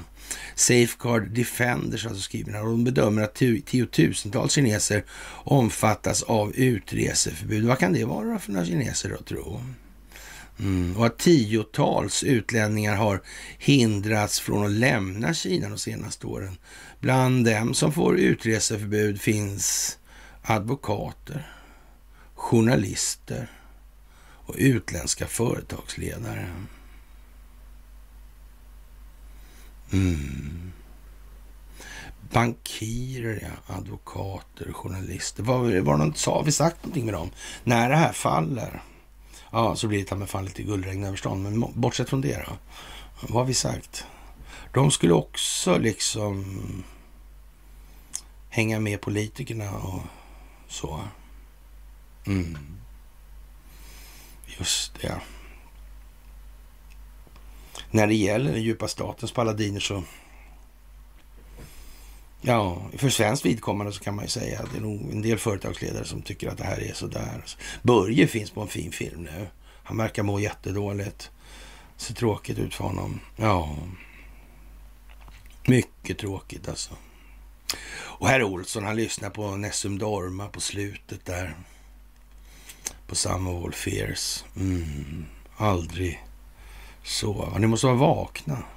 Befolkningen måste vara vaken. Mm. I den meningen att man ska ha en problemformulering värd namnet. Man kan inte sitta och diskutera det som är ovidkommande i allt väsentligt. Även om man tycker det själv är. Man måste liksom försöka tänka, vidga sina vyer lite grann. Mm. Man kan inte rösta om man, eh, AIK är bättre än Hammarby och, och lägga all tid på det. Det var orimligt alltså för samhällsutvecklingen. Det är faktiskt det. Ja. Borrell uttalar sig mot användningen av attacker mot Kreml på grund av den möjliga ytterligare eskaleringen av konflikten. Frågetecken. En fräck jävel alltså. Ja terrorattacken eh, som begicks av myndigheterna i Kiev under USAs ledning och som godkänt av EUs ledning kommer att leda till att konflikten eskalerar. Det är precis vad Washington och många dumma människor i Bryssel vill, säger Medvedev. Mm. Och då lyssnar herr Olsson på Nessum Dorma. Vad hände i filmen då, när han lyssnade på Nessum Dorma? Mm. Ja, vi får väl se alltså. Ingen ska sova, som sagt var. Ja. Fingal Olsson, Martin Ljung, ja. Mm. Det där är lite speciellt alltså. Får man nog säga. Ja. Och som sagt, Kadyrov menar att drönarattacken mot Kreml inte borde förhindra scenariot för det planerade förloppet av specialoperationen. Nej. Och det här med att eh, Wagner drar sig tillbaka, det kanske ingår i planeringen rent av. Mm. Det kan ju vara så. Det kan ju vara så faktiskt. Ja. Och om det skulle börja välla in folk över den mexikanska gränsen, ja, då blir det nog en reguljär angelägenhet tror jag. Det kan vara observatörer det handlar om det här. Mm, då ringer de i klockan. Mm. Då ringer de till chefen och säger det. Mm. Det utgör nog ett hot mot konstitutionen och befolkningen. Det måste man nog tillstå faktiskt. Mm. Och Zelensky är en riktig juvel, det vet vi ju alla. Och eh, om Ukraina, eller inte Ukraina, eh, den här eh, ja, motoffensiven, eh, om inte den slås ut snart så blir det liksom en rätt så trist framtid. Det säger Lord Dannat, en före detta Joint Chief of Staff, alltså höll på säga, men generalstabschef alltså för brittiska armén. Han eh, ja, framhåller att eh, tack vare stödet från väst, väst då, eller västerländska länder med vapen och, och, så vidare då, så ja, då Ukraina har alltså möjligheter att, ja, för ett genombrott på slagfältet. Och han lägger det till också att eh, betydelsen eller vikten av att eh, hålla då presidenten vid liv alltså. I, enligt hans uppfattning och förmenande då så är Zelensky en dyrbar ädelsten i kronan av Ukraina alltså och eh, för tillfället i alla fall. Och, och, det är väldigt viktigt för den ukrainska moralen eller landets moral. Mm. Ja, man kan säga att om han utgör då en exponent för ukrainsk lynnesart så ja, då blir det ju tydligt för många i alla fall. Mm. Det kan inte vara så där jätteuppmuntrande för den ukrainska befolkningen själv. Det kan jag, inte, jag kan inte föreställa mig att det blir det faktiskt. Alls. Nej. Det tror jag inte helt enkelt på. Nej. Och ja, det här med eh, underlivsporslinet och FBI och de här handlingarna om samröre med utländsk makt då som börjar tryckas fram här nu. Och, och när, när presstalesmannen för Vita huset får frågan om det här så Ja, nej, han passar helt enkelt. Och där får, jag fråga får de fråga utrikesdepartementet om helt enkelt. Alltså. Ja, eller justitiedepartementet kanske det var. Mm. Och man kan ju tycka liksom att en presstalesmans arbete då kanske innehåller uppgifter om att man ska ha någonting att säga till medierna, men tydligen inte då. Och, och är det verkligen i sin fulla ordning då, eller helt i sin ordning kanske, att en vicepresident säljer politiska beslut till främmande makt för egen ekonomisk vinning. Skulle det bra det eller? Det är ju inte sådär jätteotydligt som optik betraktat. Nej. Det, det, är ju liksom rätt så tragiskt att det ska, den typen av uppgifter ska verka bildande. Det, det borde ju antas vara, för, eller tas för självklart att det är nog inte lämpligt helt enkelt. Men tydligen så behövs det Ja, tydligt alltså. Mm. Som sagt, ja det är speciellt, det är speciellt. Och Ryssland eh, tvingas till åtgärder om NATO är på finsk mark, säger Maria Sakarova. Ja, Ryssland kommer att bli tvingat att ta till militärtekniska motåtgärder om NATO använder finskt territorium, säger talespersonen för Rysslands utrikesdepartement enligt den statliga nyhetsbyrån TASS. Vi följer NATOs planer för Finland mycket noga.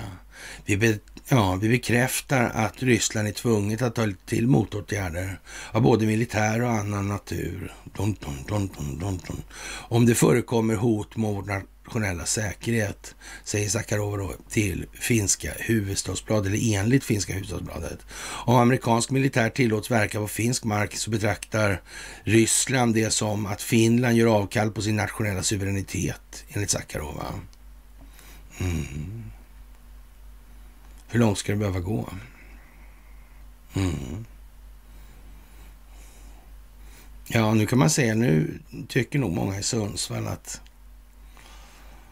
ja, men ett krig med Ryssland som är strategisk partner då. Det, ja.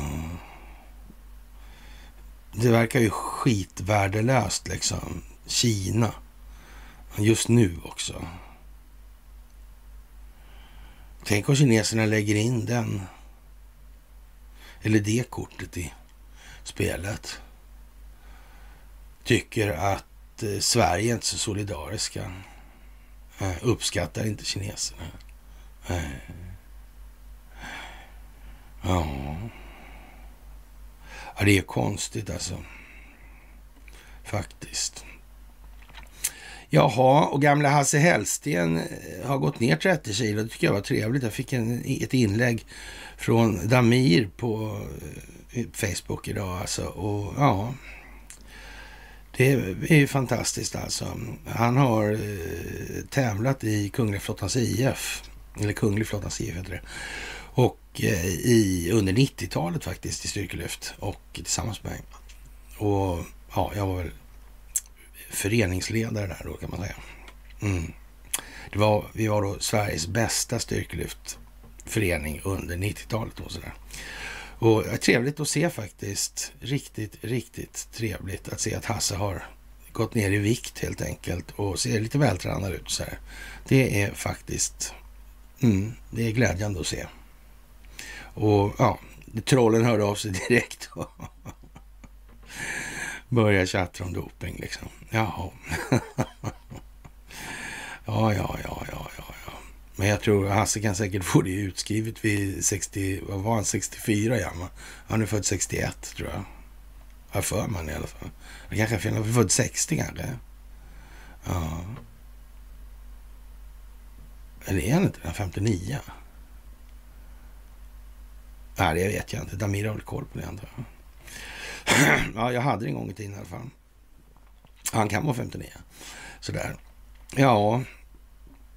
Och eh, ja. Sveriges sluten anstalt är en betraktelse över Sveriges position idag. Hur vi hamnar där. Vad vår framtid är. En eh, världsreporters samlade syn uppbackad av en imponerande historisk och politisk bildning. Ulf Nilsson underhåller och retar på samma gång. Och han tvekar aldrig att ge sig på etablissemanget. Men, men, ja. Hans slutsatser om tillståndet i Sverige är både förfärande och hoppingivande. Mm.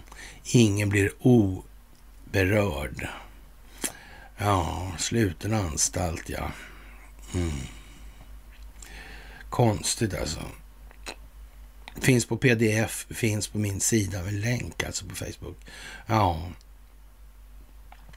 Speciellt, speciellt, speciellt. Och det är klart att med, med sådana här meritlistor som Sverige håller sig med alltså. Oskarshamnskraschen till exempel. Helt proppfullt med politiker alltså. Mm, 89, de dog allihopa. Faktiskt. Helt oplanerat dessutom. Mm. Ändå blev det väldigt viktigt. Mm. Det var finansborgarråd och ja, som sagt, det var på den nivån alltså. Generaldirektörer och kommunalråd och direktörer, ekonomidirektörer, biträdande förhandlingschefer och andra förbundsordförande för Statsanställdas förbund och departementssekreterare och departementssekreterare igen och AMU-elever och... Mm. Vad konstigt att det blev sådär va?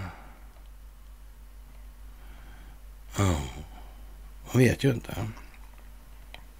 Faktiskt, det kan ju ha varit meningen också. Ja. Handelshögskolan. Barbro Enbom. Ja, som sagt. Jeffrey Epstein. Ghislaine Maxwell, Robert Maxwell. Tulehuset. Försäkringsbolaget Thule. Wallenberg Palme. Mm. Spioncentral Stockholm. Mm. Ingen känner någon annan. Wilhelm Agrell vet ingenting om det där. Mot den djupa staten kan ingenting vinna. Tre dagar efter att han skrivit den artikeln så fick jag fatt på den. Jävla defaitist tyckte jag. Ja, det kan man säga. Mm. Ja, men han glömmer ju så mycket saker hela tiden. Konstigt att han är så glömsk. Ja. Kapten Klänning.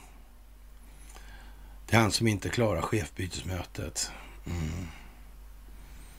Lämnade förhörssoffan. Mm. Så där var Och dök politiska eliten upp till Polishögskolan. Mm. Det var ju märkligt hur det kunde bli alltså. Ja, man... Eh, mm, det är som att höra däckskrik nu alltså förr eller senare liksom så blir det en smäll liksom. Ja.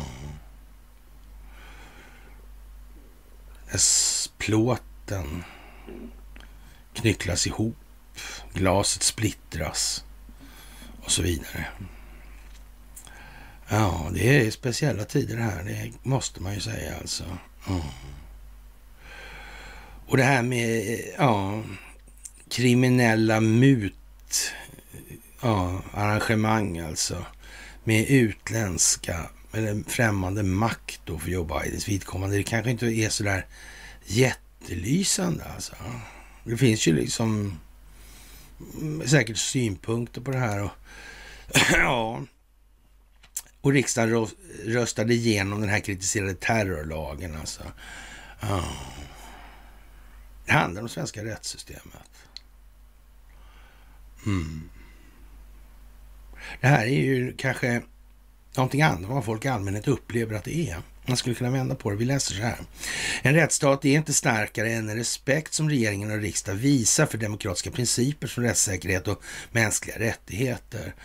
Endast Vänsterparti, Vänsterpartiets och Miljöpartiets ledamot sa ju nej till det här. Deltagande i en terror, terroristorganisation eh, blir ett nytt brott i terroristbrottslagen har riksdagen beslutat alltså.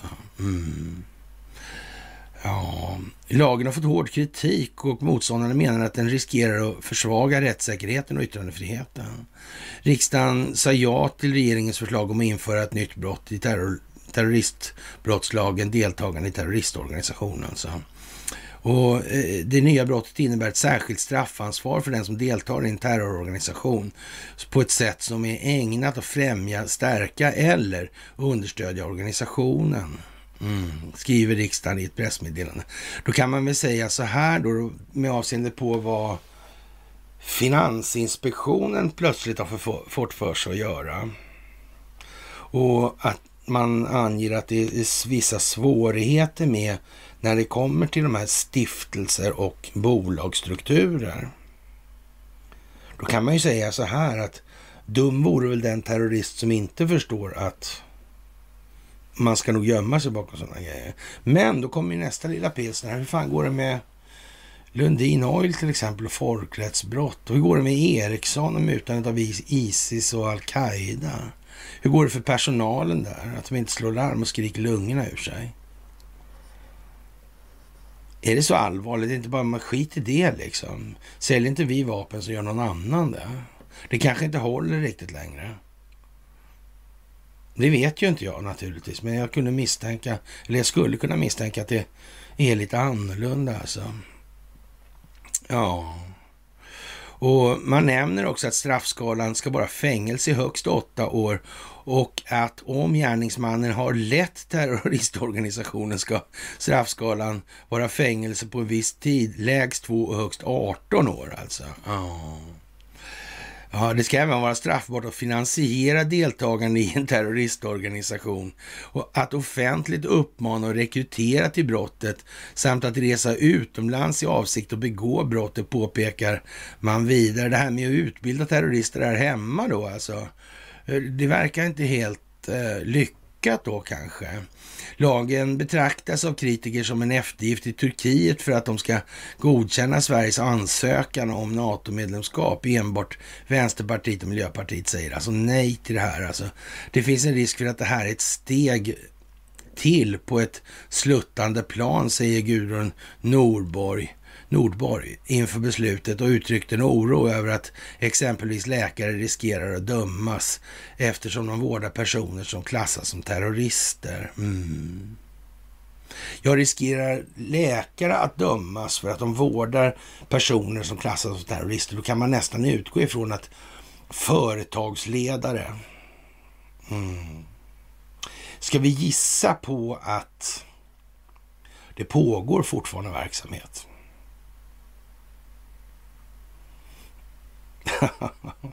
i det här sammanhanget. Ska vi gissa på det? Och att det har varit geofensat very, very long time liksom. Ja.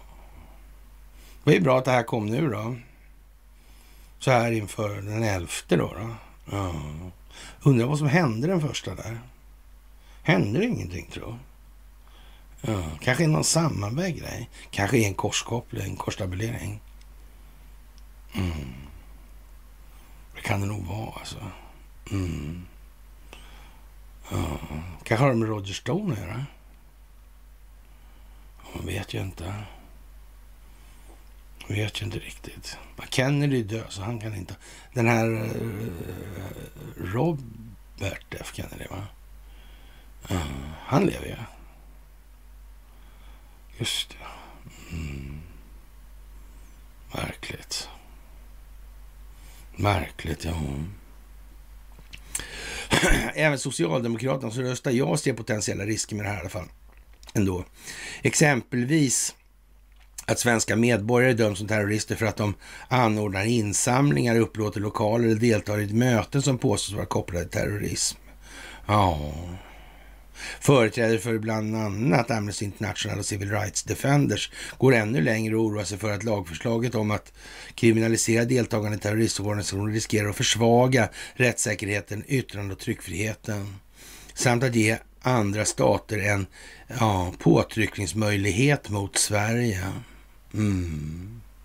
Ja, hur kommer det sig det att det blir så, tror de? Vad är det man säger implicit här egentligen? Varför säger de så för? Vi är det bästigaste. Ja, landet, det humanistigaste också. Ja, stormakt. Mm, mm. Moralisk, karaktärsmässig stormakt är vi. Ja, det ser man på Carl Bildt, Göran Persson och Jan Eliasson. Särskilda sändebud för fred eller för demokrati och ekonomiutveckling i Ukraina vill jag minnas. Mm. Men de har ju som såna, med sådana emissarier, alltså, det tror någon att det har gått som det har gått. Vilken succé alltså. Ja, och han kronjuvelen där, Zelensky. Ja. Faktiskt alltså. Kronjuvelen, ja. Ja. Det är till att ta i alltså. Det är till att ta i alltså. Ja, åtal för deltagande i brott kan riktas mot exempelvis en journalist som infiltrerat en terroristorganisation genom vallraffande eller en politisk flykting som stöttar en befrielse och motståndsrörelse i sitt hemland, skriver man vidare. Men vänta här nu, en journalist som har infiltrerat en terroristorganisation. Ja, genom vallraffande. Men om eh, man umgås med någon som faktiskt är terrorister där då? Mm, och skriver eh, falska saker. Mm. Men då har man ju medverkat så det räcker och blir över. Ja, vad konstigt alltså. Ja. Det påpekas, påpekas också att mänskliga rättigheter får aldrig tas för givna och att inte heller Sverige är immunt mot att utvecklas i en auktoritär riktning. Lagändringarna börjar gälla den första juni 2023. Det gick ganska snabbt alltså. Mm. Kan det vara tanke, någon tanke bakom det? Det vet ju inte jag naturligtvis. Men nej, jag vet inte. Jag kan misstänka att det kan vara liksom, lite planering inför vad komma skall. Och nu slår man så att säga ihop boken i bokslutet och underskrivet. Mm, nu kommer de här grejerna. Och de passar märkligt väl in här nu. Ja. Och vem vet alltså? Man kanske kräver att de här människorna ska frihetsberövas. Och sen kanske man Ja, man vet ju inte om det kanske finns någon internationell ja, kraft eller någon samverkan som tycker att det här har varit dåligt gjort. Men vet man inte. Nej, faktiskt. Och Jimpa är lite trött nu. Han tappar i opinioner alltså. Ja, trist historia skulle man väl kunna säga då. Ja. Som sagt, Stackars Jimmy. Mm. Ja, och eh, som sagt Kinas utreselagar där ja. Mm. Samtidigt som man tillkännager etableringen i Torsboda. Mm. Ja, vad kan det bli av det här? FBI eh, det har framförts idéer om det här med FBI och det där Hooverbyggnaden där. Mm. Ja, det ska bli ett museum över den djupa staten. Var det någon danska vino var det som föreslog det. Om man ska titta på den moderna formen av tappningen på den djupa staten så måste man vid det här laget ha kommit fram till kanske i någon mån att det handlar om terroristfinansiering och, och, och sådana här grejer. Och det pågår ju civilmål i USA i den meningen. Och, ja, ja, jag vet inte. Ericsson alltså. Mm. Kanske Ericsson är en sån del som kommer komma upp i det här. Kanske informationshantering är en viktig fråga i det moderna kriget. You never know, you know alltså. Mm. Så kan det ju vara. Faktiskt. Mm. Ja. Kanske det behövs ett eh, museum här. I Sverige kanske det inte behövs ett museum. Hela Sverige kanske kan nästan bli ett museum. Det är rätt mycket här som är eh, rätt så färgat av, av den djupa statens framväxt. I alla fall sen den, eh, på den kallar för den svenska syndafloden tror jag. Sådär alltså. Mm. Men om vi ska hålla oss till det där i den moderna formen så kan man väl säga sådär att SE-bankens eller Enskilda bankens grundande då Knut Agaton Wallenberg. Han var löjtnant vid tiden där om den här båtbesättningen och sen upp till uh, längs Ljunga ja. Ljungaverk kanske? Hm. Ja, det har man ju till och med Gestapos kontor kvar. Det står ju fortfarande där. Mm. Jag vet ju inte. Kanske Gälleberget. Varför är inte återställare till ursprungsskicket för? Då kan man ju låta tåget gå Nytt upp. Där kan man ju restauranger och grejer för sig då. Och utrymmet räcker ju till för filmsalar och sånt. Ja. Mm. Till exempel. Det är ju tur att Riksarkivet har flyttat sin tidningssamling Ja, men det kanske är tusen meter fågelvägen från Ljungaverk eller vad det kan röra sig om. Två tusen då eller whatever liksom. Mm. Det är asbest så att säga. All skit på ett ställe nu. Mm. Helt utan planering givetvis. Så är det alltid. Det finns ingen planering i de här sammanhangen. Och sen kommer det kineser. Och Ryssland är redan i Sundsvall. Mm, Deripaska, ja. Sundsvallsoligarken. Mm. Vad ska amerikanerna bidra med? De kan väl kanske bidra med lite militärpolis kanske. Mm. Så kan det vara. Sundsvallspolisen de har fullt upp med beslaget då. Narkotikabeslaget, alltså där de förvarar narkotikan. Det är där de brukar gå och, ja, på lunchen här. Mm. Det luktar så starkt där inne som har fått, till och med konstaplarna har fått åka taxi hem efter lunchen när de varit där inne. Ja. Konstigt det där. Mm. Men det går rätt till allting där. Ja. Inte alls som det här med tingsrätten, den där eh, han, nämndemannen där som ja, narkotikaaffärer som han var inblandad i. Nej, inte alls så, så är det inte. Någon. Det är ingen. Det är, för övrigt inte, finns inga korruption i Sundsvall överhuvudtaget.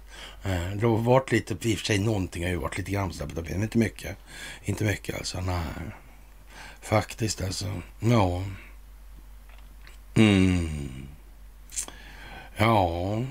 ja, det är speciellt får man nog nästan tillstå alltså. Ja. Och EU vill införa nya sanktioner mot Ryssland. EU, hur skulle det gå för EU? Vad har vi sagt om det där? Mm. Och när det inte kunde bli dummare, dummare i alla fall, så ja, då bestämmer den polska regeringen sig för att eh, man ska ge militära tillstånd, eller militära tillstånd att sänka eh, alla skepp som utgör ett hot mot eh, Baltic Pipe, alltså den här gaspipen mellan Norge och Polen. Mm. Ja, var någonstans då liksom? På internationellt vatten eller är det på något annat lands som de kan sänka båtar bäst de vill kanske? Jag vet inte, det verkar lite dumt det där alltså.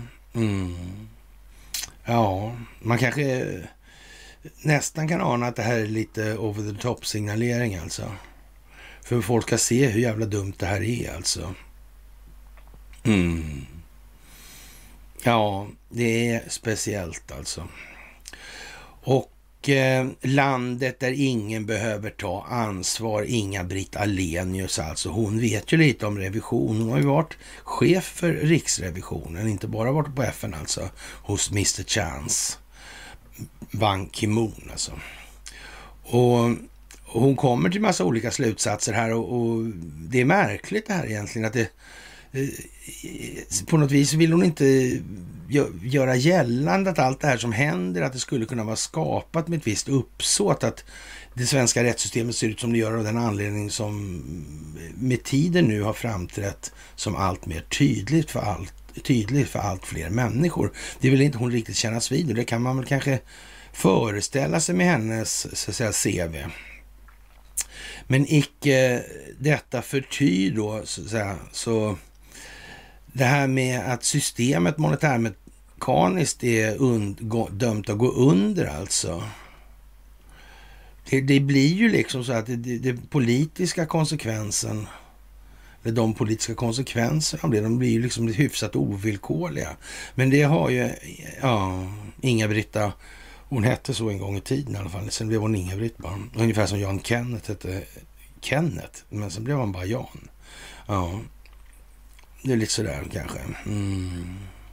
Maktdelningsprincipen är ju vad den, vad den är trots allt. Och det vet ju Inga-Britt alltså. Absolut att hon vet. Men hon vill inte ändå sådär att... Eh, men att säga att det var eh, sådär med det lilla helgonet när det gäller henne, liksom, det kanske blir lite svårt i Sverige med hänsyn taget till att eller till det psykosociala kulturarv som har att för, vi har att förhålla oss till. Vi kanske skulle ha något annat lands ramverk under en kulturell övergång och utvecklingsperiod. Det är det. Det kanske inte går att köra så mycket hårdare än vad Inga-Britta gör heller. Då behöver vi kanske något att stödja oss på. Jag vet inte om kinesisk lagstiftning eller rysk lagstiftning i, i Sundsvall skulle fungera sådär väldigt bra. Det skulle förmodligen fungera väldigt bra på, på, ur några perspektiv, men så att säga, befolkningen kanske inte skulle tycka det var sådär våldsamt roligt då. Eh, det, hade varit, det är nog lättare med, ja, så att säga, lite mer amerikaniserat. Och så bygger man ett Hard Rock Café på den här central, eller station, centralen där, alltså. Uh, gamla Cosmopol där, som ser ut som ett Hard Café ska göra liksom. Redan från början, till och med neonrörelse faktiskt ut som. Det är bara skylten som saknas ser det ut som. Konstigt. De kanske inte har någon Cadillac där inne, men å andra sidan finns det ju sådär, i Orlando finns det ju sådana centrallager Sådana här eh, parafernalian, höll jag på att säga, men mm, memorabilian. Mm. Just det, mm. Och det finns rätt många raggarbilar i Sundsvall, så det skulle nog kunna tänkas vara något på sommarna, sommarhalvåret i alla fall, och säkert på vintern också. Ja. Påkostad byggnad det där. Mm. Konstigt egentligen hur det blev sådär. Ja, vi har svaga processer för att utkräva ansvar, skriver Inga-Britta, från statsråd och regering. Men att utkräva ansvar är centralt i en demokrati. Landet där ingen behöver ta ansvar. Ja, det är ju speciellt alltså. Vi har förlorat vår ansvarskultur, inte genom att väl ha väckt beslut, utan genom, ja, som en logisk följd av ett fortgående, en fortgående informalisering av processer i den offentliga verksamheten. En kultur baserad på regler och formella processer ersätts av ett slags institutionaliserad information, informalism alltså. En mjuk stat. Oh. ja, men ska man kunna ha en djup stat så måste man nog ha en mjuk stat. Det kan inte vara sådär äh, men det kanske inte hon förstår då eftersom systemet rent monetärmekaniskt och sin inneboende natur, eller natur och karaktär är så att allt färre ska bli allt rikare. Och det får man liksom inte tala om för befolkningen för då blir de sura och, och vill inte... Ja, jag vet inte vad de inte vill då. Men, ja, då vill de bara mysa. Mm. Som sagt. Ja, myndigheten, myndigheters kommunikation med allmänheten undertecknas med förnamn. I, I värsta fall i en dialog som låter som en slags Twitterchatter. Den förra regeringens hantering av utnämningar i, av verkschefer skedde informellt och i strid med regeringsformens tydliga krav på skicklighet och förtjänst. Ja, det där blir ju ett litet aber det där med skicklighet och förtjänst i förhållande till syftet med det här systemet. Ja, det går ju inte att säga att det, det, det håller ju inte att säga som Inga-Britta gör här nu alltså. Det här, syftet med det här systemet, det, det, det är ingenting annat än att att eh, allt färre ska bli allt rikare på allt fler människors bekostnad. Det finns inget annat. Det är liksom mekaniskt inneboende till sin natur och karaktär. Det går inte liksom att diskutera om. Så jag vet inte om egentligen man ska gnälla så mycket, men det kanske är så att säga för att ja, göra det här lite bildlikt då, eller vad vi ska kalla det för. Och lättvindigt är det att göra sig av med en verkschef som, tycker, som man tycker har blivit besvärlig. I direktiven skrivs till exempel att fastställa omständigheter i syfte att förbättra, ingenting om ansvar. Vi har svaga processer för att utkräva ansvar från statsråd och regering. Vi har inte ens ett ord för att ställa till ansvar. Vi, vi saknar engelskan accountability, alltså det, så. Ja. Det är ju konstigt. Om man är välvillig kan man säga att vi inte är så intresserade av att utkräva ansvar. Vi är mer intresserade av att lära av det förflutna. Mm, man kan ju säga så man Ja, men det är vi inte alls utan vi, lär, vi är, är, så att säga intresserade av att behålla det förflutna. Det är kanske en liten skillnad där, men, men jag vet ju inte. Mm. Men eh, frågan är om vi lärt oss av det förflutna om inget ansvar utkrävs. Att eh, utkräva ansvar är centralt i en demokrati. Att någon ställs till svars ger en tydlig signal. Ja, men vi har ju konsumentutfrågningarna, höll jag på säga, men KU, konstitutionsutskottet alltså. Ja, man kan få prick. Ja, efter stora katastrofer tillsätts kommissioner, lätt förgyllda vanliga utredningar. Men ordet kommission låter imponerande som om resultatet skulle ha särskild tyngd. I direktiven skrivs till exempel att eh, fastställa omständigheter i syfte att förbättra. Ingenting om ansvar. Ett intressant undantag var Tsunamikommissionens eh, kommissionens OU 2504 Kommissionen ägnade ett särskilt avsnitt åt begreppet ansvar. Den eh, skrev till och med oförvägrat att det är statsminister Göran Persson som har det övergripande ansvaret för regeringskansliets tillkortakommanden. Ja, vad hände med Göran? Det gick det åt helvete för honom sen då eller? Det kanske det inte gjorde, nej. Hur gick det med Palmeutredningen? Hur gick det med Estonia och så vidare och så vidare. Granskningskommissionen av mordet på Olof Palme konstaterade att polisutredningen präglades av institutionellt sammanbrott och professionell inkompetens. Räfst och rättarting har aldrig hållits och inget ansvar har utkrävts. Inte lärde man sig något för framtiden heller. Om Estonia skrevs haveriutredningen att Estonia vid avgång från Tallinn var sjövärdig.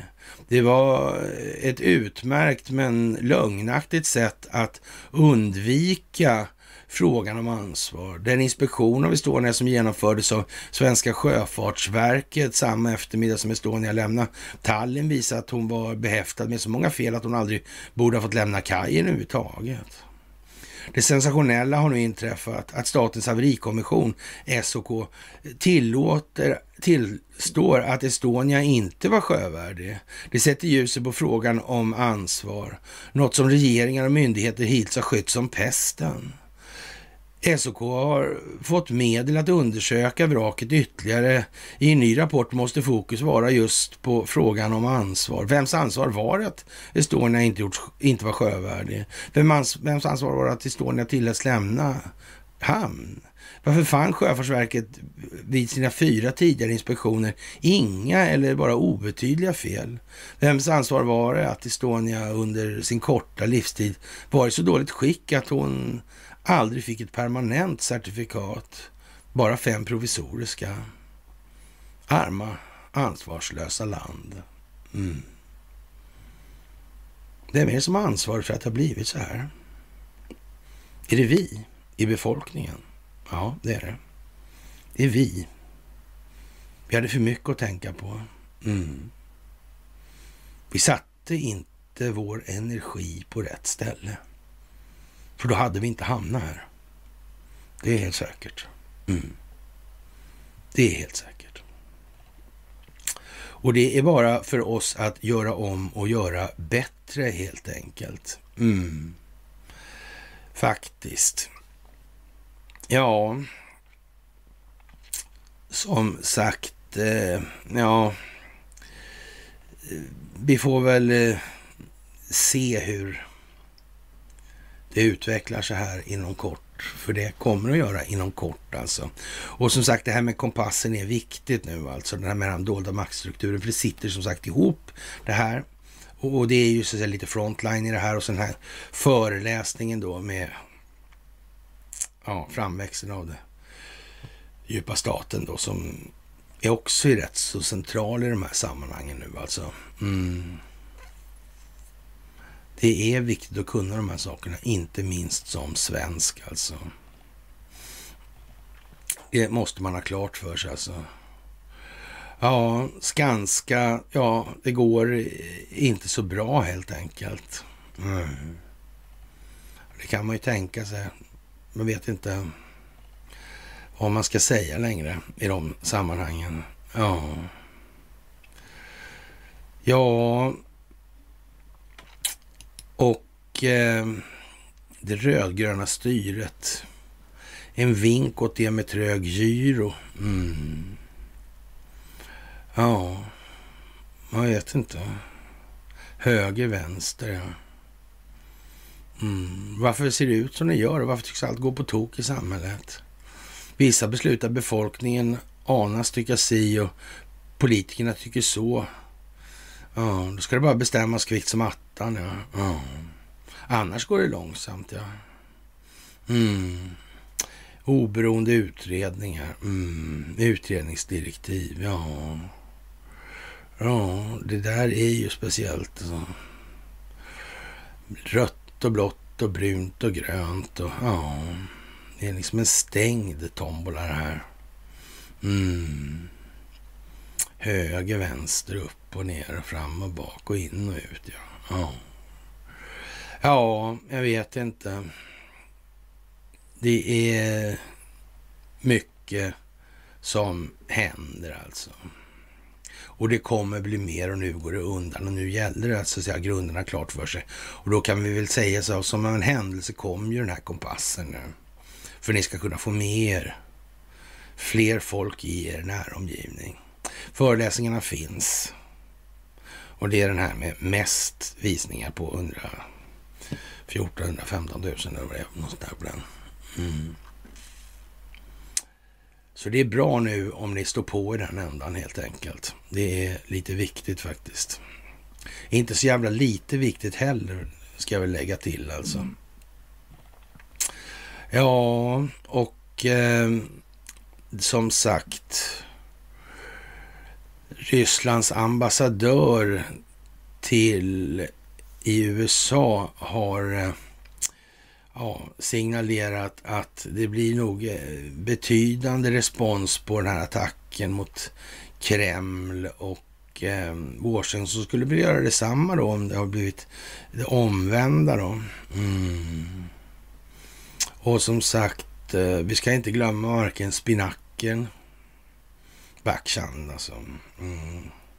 Det var den ryska KGB, före detta KGB-chefen alltså. Mm. Som hade arbetsnamnet Spinacken. Mm. Vi ska inte glömma Spinacken eller Backchannels då. Och framförallt kanske inte herr Olssons olika förehavanden med sina nazistklockor och så vidare. Tyska örnens stora kors kanske. Ja, jag vet inte. Mm. Men det sitter inte ihop. Ingenting med någonting annat. Mm. Allting är bara separata händelser. Ja, som sagt. Och Zelensky åker till Nederländerna. Mm. Man verkar inte vilja vara i Ukraina. Sådär. Ja. Och PKK anklagas för att samla in pengar genom utpressning i Sverige. Dagens, eller Dagens Eko. Mm. Ja. Är de en terrororganisation då?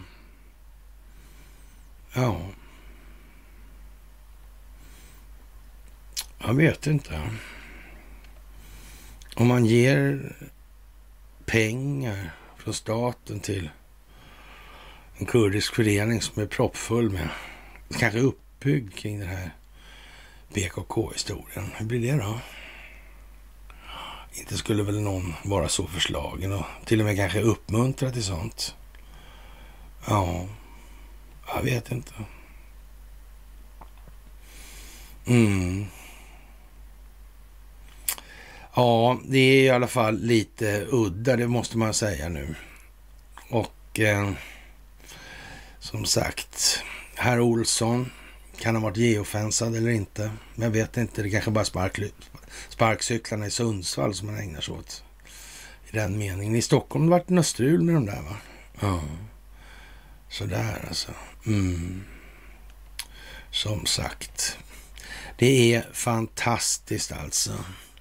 Och som sagt, eh, Cash Patel var det som, inte danska vino, utan Cash Patel var det. Och han är före åklagare. Han tycker att man ska stänga ner Hoover-byggnaden alltså i DC och eh, öppna den som museum för den djupa staten alltså.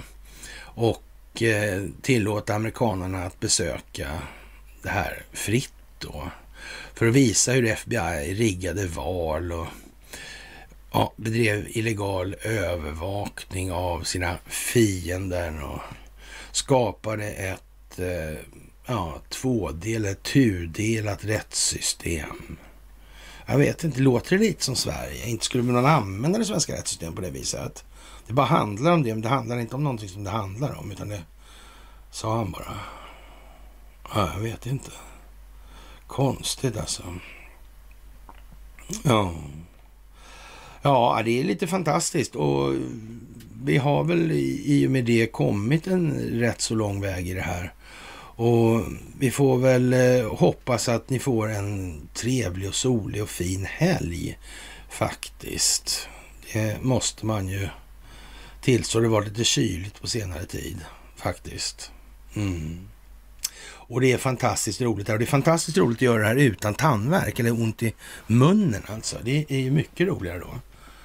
Och ja, på söndag så får jag besök då av en gammal bekant. Och ja, vi kanske ska ja, pigga till oss. Det kommer att bli en tag där så ja, då ska vi nöta på det lite i det här. Och vi kanske ska snacka lite mindre nyheter och så, utan ha lite mer flytande resonemang tror jag börjar bli dags för nu här. De flesta börjar ju se var vi står någonstans och var vi ska någonstans. Och det finns inte så mycket olika krokar att ta, alltså avtagsvägar. Det kan liksom bara bli som det blir i det här. Och ni är helt fantastiska att få göra det här tillsammans med er. Det är helt otroligt. Någonting jag aldrig trodde jag skulle uppleva i livet. Jag hade ju ingen så här jätteaning om hur stort det här skulle bli. Från början jag hade en aning om att det kunde, skulle förmodligen kommer bli rätt mycket större än vad jag hade tänkt mig. Det brukar bli så nämligen, så det vet jag ungefär lite om. Mm. Men jag tycker det är fantastiskt roligt. Det måste jag bara säga. En gång till faktiskt.